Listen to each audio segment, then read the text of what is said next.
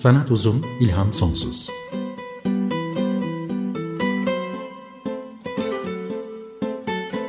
Sanat üzerine psikolojik sohbetler.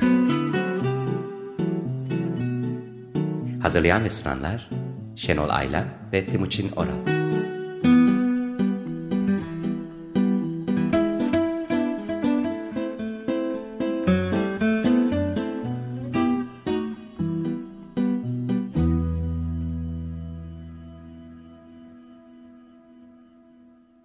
94.9 Açık Radyo'da Sanat Uzun İlham Sonsuz programından merhaba. Ben Timuçin Oral. Ben Şenol Ayla merhaba. Karşımızda Barış Demirel bizimle birlikte. Bugün de e, Twitter hesabımız Sanat Alttire Uzun. E, podcast'imizi de her zaman olduğu gibi Açık Radyo e, web sitesindeki podcastler bölümünden Sanat Uzun'u e, yazarak bulabilirsiniz. Evet, görmek ve bakmaktan konuşuyorduk geçtiğimiz hafta. Doyamadık tabii. Sığamadık. Aslında söyleyeceklerimiz programı. bitmedi. evet, söyleyeceklerimiz bitmedi. Bakmalara da doyamadık. Nurullah Ataş'tan bahsettik en son. Gerçi bu konu biter mi onu da bilmiyorum ama olsun bitirmeye çalışırız bu programımızda. İçinde devam ediyoruz. Yine görmek ve bakmaktan devam ediyoruz. Nurullah Attaç'ın görmek ve bakmak e, makalesi denemesi Bunlar gelmişti. çocuklardan da bahsettik. Öğrenilebilir mi, öğrenilemez mi acaba? Hani bunu do, doğar doğmaz mı biliriz yoksa? Evet sözcüklerden önce geliyordu çünkü evet. görme demişti Berger'da.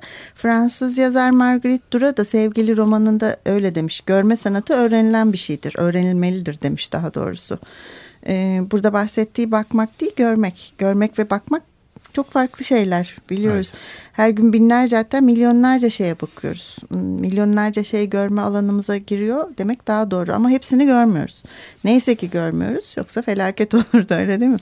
Beynimiz o aşırı uyarıyı e, süzüyor. Sadece görmek için değil bütün uyarılar için söz konusu bu. Ancak birazını algılıyoruz. O birazından ise çok daha azını fark ediyoruz ya da görüyoruz. Evet. Öyle değil mi? Ben öyle düşününce aklıma otomatik portakal gelmişti. Evet, o bombardımanla çok gördürülen. Hmm, evet. Ee, Anthony Burgess'ın İngiliz yazar Anthony Burgess'ın A Clockwork Orange e, romanı 1962'de yazmış. Stanley Kubrick de hemen fark edip 1971'de filme çekmiş. Ancak bizde gösterime girmesine ben bakarken bugün şaşırdım. 1996. Aradan Öyle bayağı zaman geçmiş. İlk gösterimi 1996. Ben onu sinemada seyrettim ama daha erken seyrettim. 96'dan önce Yanlışlıkla seyretmişsin. Acaba yurt dışında mı? Bilmiyorum ki seyrettiğimi hatırlıyorum ama. Olabilir mi? Ama işte ee, ilk gösterildiğinde İngiltere ve Amerika'da da çok tepkiyle karşılanmış. Çok şiddetli olduğu için e, geri de çekilmiş birçok yerde sinemalardan. Belki o nedenle diye düşündüm bizde gösterime girmesi o kadar geç olmuş olabilir. Belki senin gördüğün farklı bir yani ya da belki bir sinematek falan, falan bir şeyde oynatılmıştır. Evet doğru. doğru ee, bu resmi gösterim tarihi diyorlar. Bu da yanlış olabilir. İnternetten bulduğum evet. rakam. Ee, hatırlarsanız orada e, yakın bir gelecek ya daha doğrusu bir gelecekteki bir İngiliz e, orta toplumunda geçiyor. Distopik bir toplumunda bir kara komedi bu da ve şiddete eğilimli bir genç var. 15 e, yaşında aslında romanda Alex var. Ve onu filmde daha büyük görünüyor tabii bir çetesi 27 de var. 27 yaşındaymış evet filmde evet. onu oynayan kişi ama ille onu istediği için Stanley Kubrick o oyuncuyu ee, ve çetesi de var ve sayısız şiddet uyguluyorlar birçok insana ve sonunda hapse atıldığında o görmekle ilgili bu görme bombardımanından aklıma gelme sebebi de oydu. E, hapse atılıyor ve bir de tedavi ediliyor aslında sadece hapis değil demek ki iyileştirmeye de çalışıyorlar. Hmm. Aversiyon tiksindirme tedavisi yapıyorlar evet. orada ona. Ludovico. Eskilerin e, çok e, üstünde bilinen konuşulan tedavi yöntemlerinden bir tanesi yani e, hoşuna gitmeyen şeye e, tanık ederek onu ondan rahatsız olacak hale getirme ve bunu yaparken de o yılların yeni yeni öğrenilen koşullanma yöntemlerini kullanma yani bunun yanı sıra bir koku, bir tat, bir ses, bir, bir başka dokunma gibi bir takım başka bir uyarıyla başka uyaranlarla işte. destekleyerek evet onu pekiştirme. Zaten yapılırdı bu diyorsun. E, bir, bir dönem evet şimdilerde hmm. çok kullanılan bir şey değil ama yani 90'lara kadar da hatta. Çok yakına kadar evet. Evet kullanıldı bu tür teknikler. Hmm. E, Ludovico adını vermişler bu tekniğe. Bu uyduruk bir isim ama e, evet, film için verilen Hı -hı. bir isim ama orada da Doktor Ludovico var zaten. Bu bahsettiğimiz e, görme bombardımanı tiksindirme sahnesinde yanında durup Alex'in gözlerini e, kancalarla aşağıya ve yukarıya ayırarak kapatmasına engel, engel olunuyor olarak. ve doktor da sürekli kurumasın diye göz damlasıyla e, kurumasın diye düşündüm ama bir göz damlası damlatıyor e, tabii, sürekli. Evet. Muhtemelen. Ve Alex'e e, şiddet sahneleri içeren bir film gösteriliyor. Onları seyretmek zorunda bırakılıyor.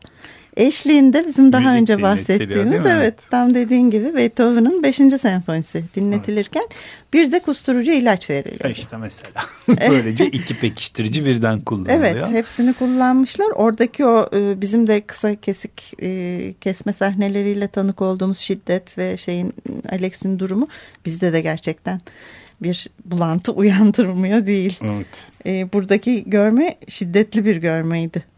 Gerçekten evet. o tiksindirme için kullanılan bir şeydi.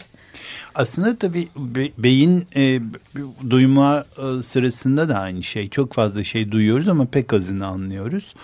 E, bir kısmı zaten hiç ulaşmıyor bile ve beynimizin bir filtre mekanizması var. E, oradaki e, noise stimulus yani gü, e, gürültü ve e, uyaran e, oranı çok önemli e, o gürültünün içinde etraftaki genel gürültünün içinde bu bazen e, ses kirliliği bazen görüntü kirliliği içinde biz seçerek bazılarını alıyoruz ve onları işliyoruz. Onları beynimiz e, e, işliyor ve m, kullanıyor sonuçta hı hı. ve bu kendiliğinden oluyor. Hatta şizofreninin e, oluşum mekanizması ile ilgili bir zamanlar e, böyle e, e, teorilerden bir tanesiydi bu. Bu filtre mekanizmasındaki bozulma ve dolayısıyla bu gürültüyle sesin e, uyaranın birbirine karışması ve bunun yarattığı bir e, düşünce bozukluğu meselesi. Hmm. Dolayısıyla bir filtre mekanizması var. Ee, bununla ilgili nörobilim çalışmaları da var. Evet, e, nörobilimci Alexandra Horowitz On Looking e, Türkçe'de de var bu Bak adıyla çevrilmiş. Türkçe'de geçen yıl çıkmış. Çok ama kaybolmuş bir kitap. Bence pek ortaya çıkma. Şimdi ben de İngilizcesini ama bulunca. seninle ortaya çıksa güzel olur. Hoş bir kitap değil evet, mi? Güzel bir biraz kitap bence çünkü. bahsedersen nasıl evet, bir şey? Evet biraz tersten gitmiş. Çok güzel. Nörobilimci Alexandra Horowitz. Amerikalı New York'ta yaşayan bir kadın nörobilimci. On Looking, Eleven Walks with Experts. Bakmak üzerine 11 e, uzmanlarla 11 yürüyüş diyor. Gerçekten yürüyüşten bahsediyor burada kelime anlamıyla yürüyüşte. 2013'te yazmış kendisini. Şöyle diyor girişinde burayı okumak istiyorum. Kaçırdınız. Tam şu anda etrafınızda olup biten şeylerin büyük kısmını kaçırmaktasınız. Bedeninizin içinde meydana gelen olayları, uzakta ve tam önünüzde olan şeyleri kaçırmaktasınız. Dikkatinizi bu sözcüklere vererek sizin dikkatinizi toplamanızı kolaylaştırmak üzere beyaz bir çerçeveyle sınırlandırılmış olan bu sözcüklere dikkatinizi vererek tüm duygularınızı bom tüm duyularınızı bombardımana tutan akıl almaz miktardaki bilgiyi görmezden geliyorsunuz. Floresan lambanın vızıltısını, geniş odadaki ortam sesini, sandalyenin bacaklarınıza ve sırtına baskı yaptığı noktaları, damağınıza dokunan dili, omuzlarınızı ya da çenenizi yerinde tutmaya yarayan basıncı, bir böceğin hışırtısını ya da mutfaktaki bir cihazın uğultusunu. Bunlardan habersiz olmamız çok yararlı. Aslında buna konsantrasyon diyoruz. Bu ihmal yani bunlardan habersiz olmamız yani konsantrasyon sayesinde bu sayfadaki bu kelimeleri fark ediyorsunuz. Kelimeleri, cümleleri ve fikirleri anlıyorsunuz diyor. Ve sonra buradan çıktığı şey de şu fakat biz bu filtrelemeyi çok fazla kullanıyoruz gündelik hayatımızda diyor. Hatta aşırı kullanıyoruz diyor hmm, çıkış noktası olarak. Kendisi de köpeğini ve daha doğrusu iki köpeği varmış. Onları gezdirirken e, her zaman klasik bir e, yolu varmış ve oradan gidiyormuş ve köpekler başka yere dağılmaya çalışırken dağılırlarsa toplayıp aynı yola çekiştiriyormuş. Sonra düşünmüş ıı, bu otomatik yaptığı bu hareketi aslında bırakayım köpekler nereye gidiyor diye peşlerine takıldığında arka bahçe şeydeki arka blok ıı, arka mahalledeki küçük parkı ormanlığı gölleri New York'ta güzel bir takım yerleri bir sürü yeri keşfedince köpekler onu gezdirince daha onu iyi olmuş. Çok daha iyi olmuş. Tabii diyor iki köpek arasında bazen çatışma oluyordu oraya değil buraya gidelim ama birinin dediğine gidiyorduk. Ve sonra bu e, kitabı yazmaya da öyle karar vermiş. Her gün o kadar fazla iş yapmak zorundayız ki arabaya binip belli bir yoldan geçip işte köprüyü geçmek, eve gitmek, işe gitmek, okula gitmek ve bunların da birçoğunda her şeyi filtreliyoruz. Sadece belli şeyleri görüyoruz ama onları değil başka şeyleri görürsek ne olur e, diye bakmaya başlamış ve aynı e, New York'ta farklı yerlerde 11 tane uzmanla gezmiş. Bunlar e, psikiyatristten tesisatçıya kadar değişik uzmanlar şöyle diyor. Bunla, bu insanlarda aslında mesleki deformasyon vardır. Bir davette yemek masasında onların yanına oturmayı istemeyebilirsiniz. Çünkü psikiyatrist her şeye bir psikiyatrik şey e, açıklama getirebilir. Hmm, ya da e, tarihçi yemeğin tarihinden bahsedebilir, sıkılabilirsin. Ama onlarla yürümek e, New York'ta onlardan biriyle yürümek onun dikkat alanını e, görmeye başlayarak çok farklı şeyler açar insana diyor. Görmediğimiz şeyleri görebilmemiz için o uzmanları kullanmış. İlginç bir ilginç bir deneyim. Nörobilimcinin İl, şeyi olmuş. Kitap. Evet. Ee, evet. Hatta e, şöyle diyordu Shakespeare. Çok aşikardır bulduğumuz mücevher. Eğilip alırız onu sırf görebildiğimiz için. Ama göremediklerimize basıp geçeriz hiç düşünmeden. Gene Shakespeare e, söyleyeceğini söylemiş. Güzel söylemiş. Ee, bakıyoruz, göremiyoruz, görüyoruz, bakamıyoruz. Bakmak, görmek derken Nurullah Ataç'a da oradan gelmiştik, gelmiştik. zaten. E, bu aslında e, hani Sherlock Holmes da söylüyor ya da e, Conan Doyle da Sherlock Holmes'a söyletiyor ya yöntemi biliyorsunuz küçük ayrıntıların gözlemlenmesine dayanıyor. Gerçekten aslında hekimlik de biraz böyle bir şey aynı zamanda. Evet. E, bu da bizi e, işte e, ortaokul lise e, kitaplarımızın bir başka önemli ismine e, Cenap Şahabettin'e getiriyor. Eski kitapları karıştıralım. Evet. Cenap Şahabettin de hekim aynı zamanda. Evet meslektaşımız. Ee, ama edebiyatçı olarak daha biliniyor. Evet. Ee, cildi hastalıkları uzmanı olarak değil. Ee, burada ona e, atfedilen bir e, cümle var. Aslında ilginç bir şekilde onu başka bir Robert Suti diye bir e, İngiliz e, Tarihçi e, şair, şair ona mi? da atfedildiği oldu ama bakmak başkadır, baktığınızı görmek başka, gördüğünüzü anlamak ise bambaşka bir şeydir. Anladığınızdan bir şeyler öğrenmek de ayrı bir şey. Asıl önemli olan öğrendiğinize uygun hareket etmektir çoğu insan o gördüğü şeyi olduğu gibi değil, görmek istediği gibi görür. Görünene göre karar verenler ne kadar az şey gördüklerini bilmeyenlerdir falan diye gidiyor. Hmm. Yani bu hakikaten ona mı ait ama e, bilmiyorum. Bakmak başka, baktığını görmek başka derken aslında burada söz edilen tam da deminden beri aslında e, konuştuklarımız. E, Cenab Şahabettin'in hayatı da böyle biraz e, enteresan. Yani ona baktığımızda e, baktığımızda gerçekten e, görmeye çalıştığımız şey e, de farklı olacak. Hmm. Bununla ne kastediyorum? Biraz e, şunu söylemeye çalışıyorum. E, Cenab Şahabettin Servet-i Fünun dönemi şairi ve yazarı. 1870'te e, Bitola'da yani Manastır'da o zamanki adıyla bugün Makedonya'nın güneyinde Yunanistan sınırındaki şehirde 21 Mart'ta doğmuş. Babası Osman Şahabettin Bey ve babası Osmanlı-Rus Savaşı'nda Plevne'de şehit düşmüş ve onun ölümünden sonra yaklaşık 6 yaşındayken ailesiyle birlikte İstanbul'a taşınmış. Tophane de burada. Hmm, evet, Mektebi Fevziye'de okumuş. Ardından Eyüp Askeri e, Rüştiyesi'ne girmiş. Okul yıkılınca da Gülhane Askeri Rüştiyesi'ne geçmiş. O yıllarda tabii daha çok askeri rüştiyeler ve tıp fakülteleri hmm, arkasından e, daha parlak.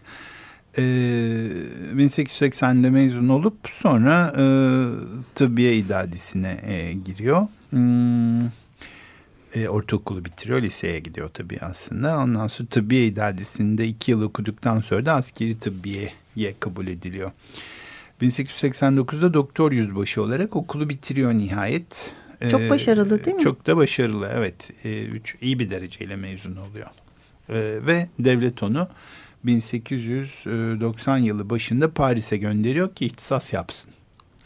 Devletimiz 1890'da insanları ihtisas yapsın evet. diye yurt dışına gönderiyormuş. Cildiye ihtisas gibi. yapıyor değil mi? Evet, Çok ilginç. Cildiye ihtisas yapıyor Paris'te. Dört yıl kadar kalıyor.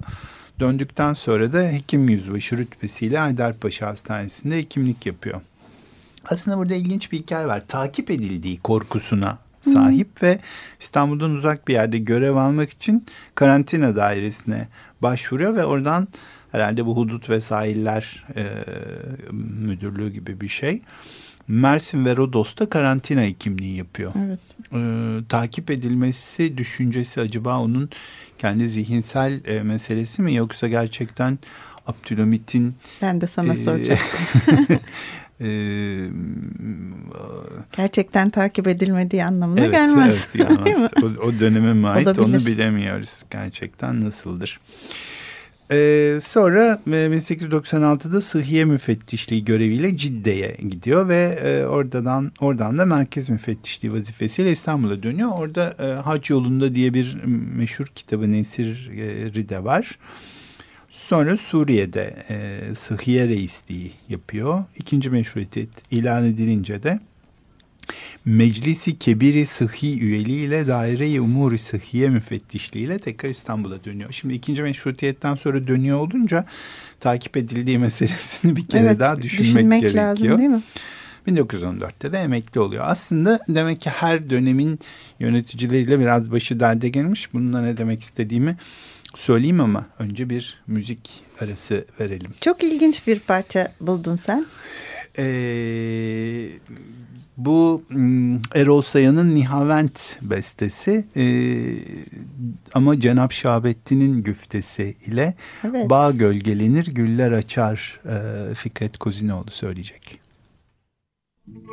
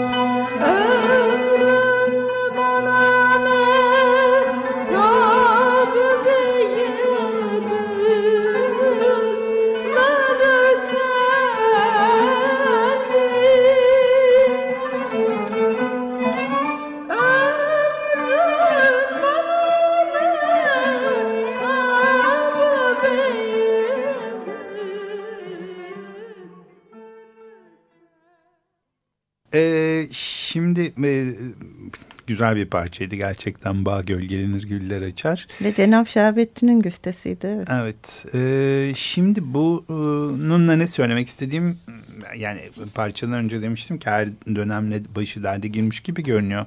Muhtemelen sözünü sakınmayan bir insan bir defa Cenab Şahabettin. Zaten e, yani özlü sözlerine bakınca da bunu anlamak mümkün. 1922 yılında derste bu e, çünkü emekli olunca 1914'te hekimlikten e, onu Fransız dili ve Osmanlı Edebiyatı tarihi dersleri müderrisliğine tayin ediyorlar Darülfünun'da. Garp evet, Edebiyatı. Ders. Garp, Garp Edebiyatı. edebiyatı. Fransız ee, dili, Osmanlı Edebiyat tarihi. Çünkü aslında bütün bunlara hakim evet. de bir insan. Fransa'da da yaşadığı için de herhalde.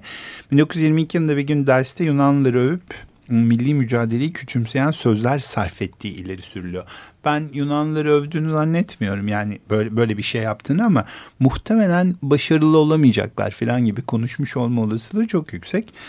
Darülfünun öğrencileri de bazı e, hocalar e, aleyhinde bunu söyleyen e, nümayişler düzenliyorlarmış. Aslında bu sözleri söyleyip söylemediği hiçbir zaman tespit edilememiş. Kendisi de zaten doğrulamamış. Ama öncesine ait de bazı siyasi yazıları var. Yani bunun çok e, uygun Temiz yok. ilgili filan gibi görünüyor. Evet, gibi en görünüyor. azından sözünü sakınmayan bir tip.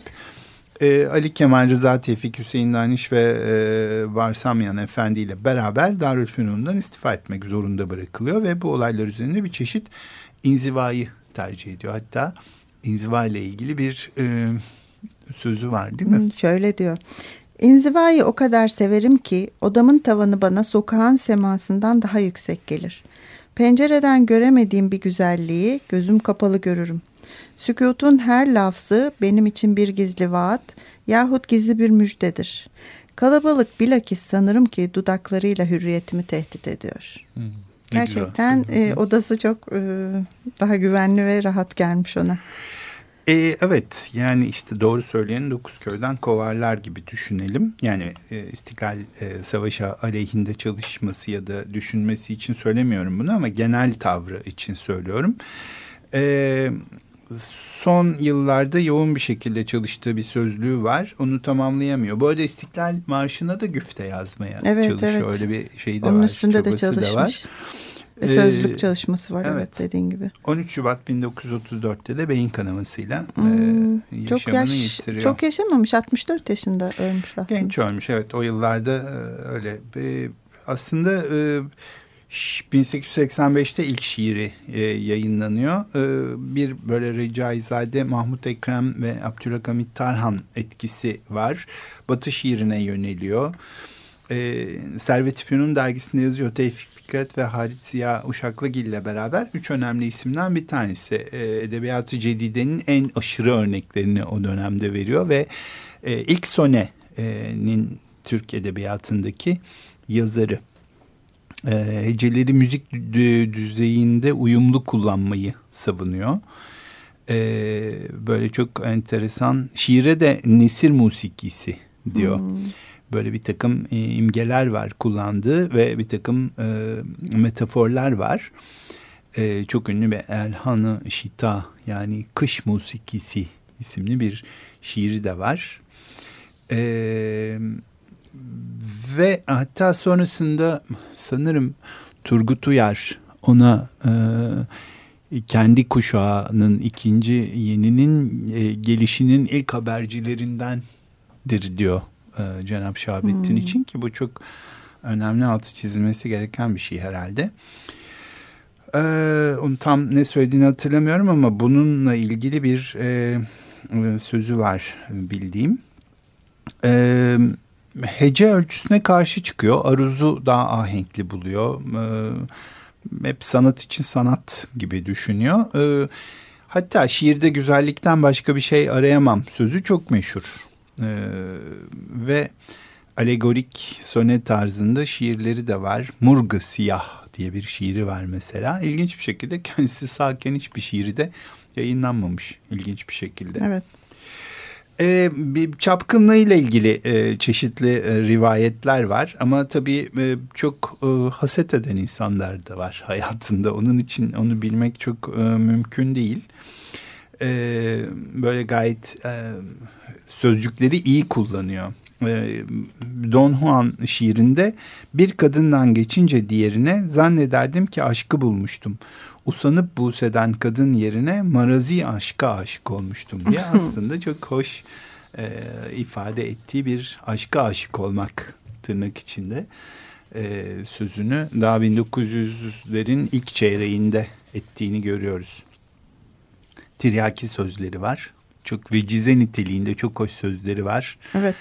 Ee, mesela ne var? Bir tanesini söyleyebiliriz. Allah'tan her şeyi isteyebilirsin yalnız para isteme. Çünkü Allah parayı sevmez ve sevmediği için ancak sevmediklerinden bazılarına verir. Düşün hiç Allah'ın sevebileceği adamlarda paralı adam gördün mü? evet, ne, ne hoş ifade ediyor değil mi? Evet, Aslında sözleri. çok çok keskin buna benzer sözleri var. Hatta e, e, sosyal içerikli bir takım yazılarda e, dini konuları da değiniyor ama e, çok hoşa gitmiyor. E, mesela şey de var bir sözü daha var Ee, her taassupta bir mahiyeti katile vardır. Tarihin taassubu hakikati vakayı, vakayı öldürür. Felsefenin taassubu fikri öldürür. Dinin taassubu dini öldürür. Riya ve taassubun her türlüsü çirkindir fakat en çirkini taassup karşısında riyadır. Ee, günümüze uzanabilecek bir bakış olmuş değil bu değil mi? O zaman da demek ki her zaman böyle oluyormuş yani durum. Söz, hatta şey diyor hakikat güneşe benzer doğrudur ona baktığınızda gözünüz yanar hmm. gibi bir e, sözü de var.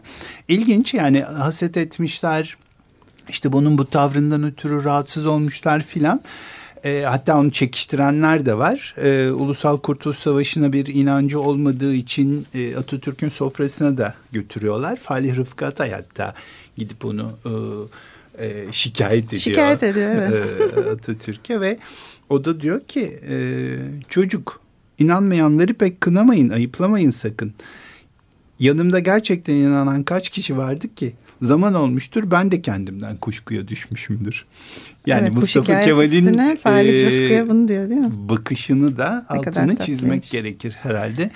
E, Cenab-ı Şahabettin Atatürk'e de yazdığı bir dilekçe yazı var. E, Osmanlıca olduğu için çözemedim ama e, aslında e, kayda değer gerçekten sözünü sakınmayan birisi ki Mustafa Kemal'in de hakikati söylemekten hiçbir zaman korkmayın sözünün altını çizelim burada da. E, çok haset eden var demiştin hmm, onu. Hasetten bahsettin yani.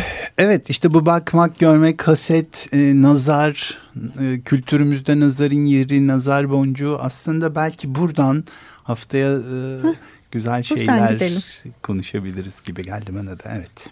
Tamam o zaman hasete doğru gideriz buradan da. e, destekçilerimize çok teşekkür ederek bugünlük hoşçakalın diyoruz. Hoşçakalın.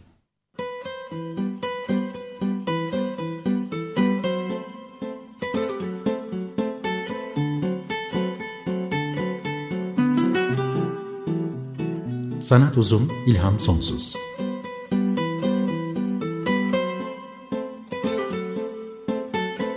Sanat üzerine psikolojik sohbetler.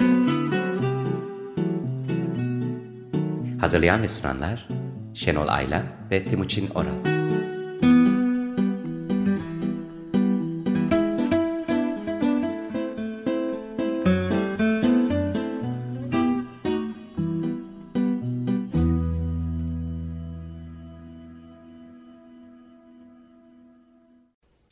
Radyo program destekçisi olun.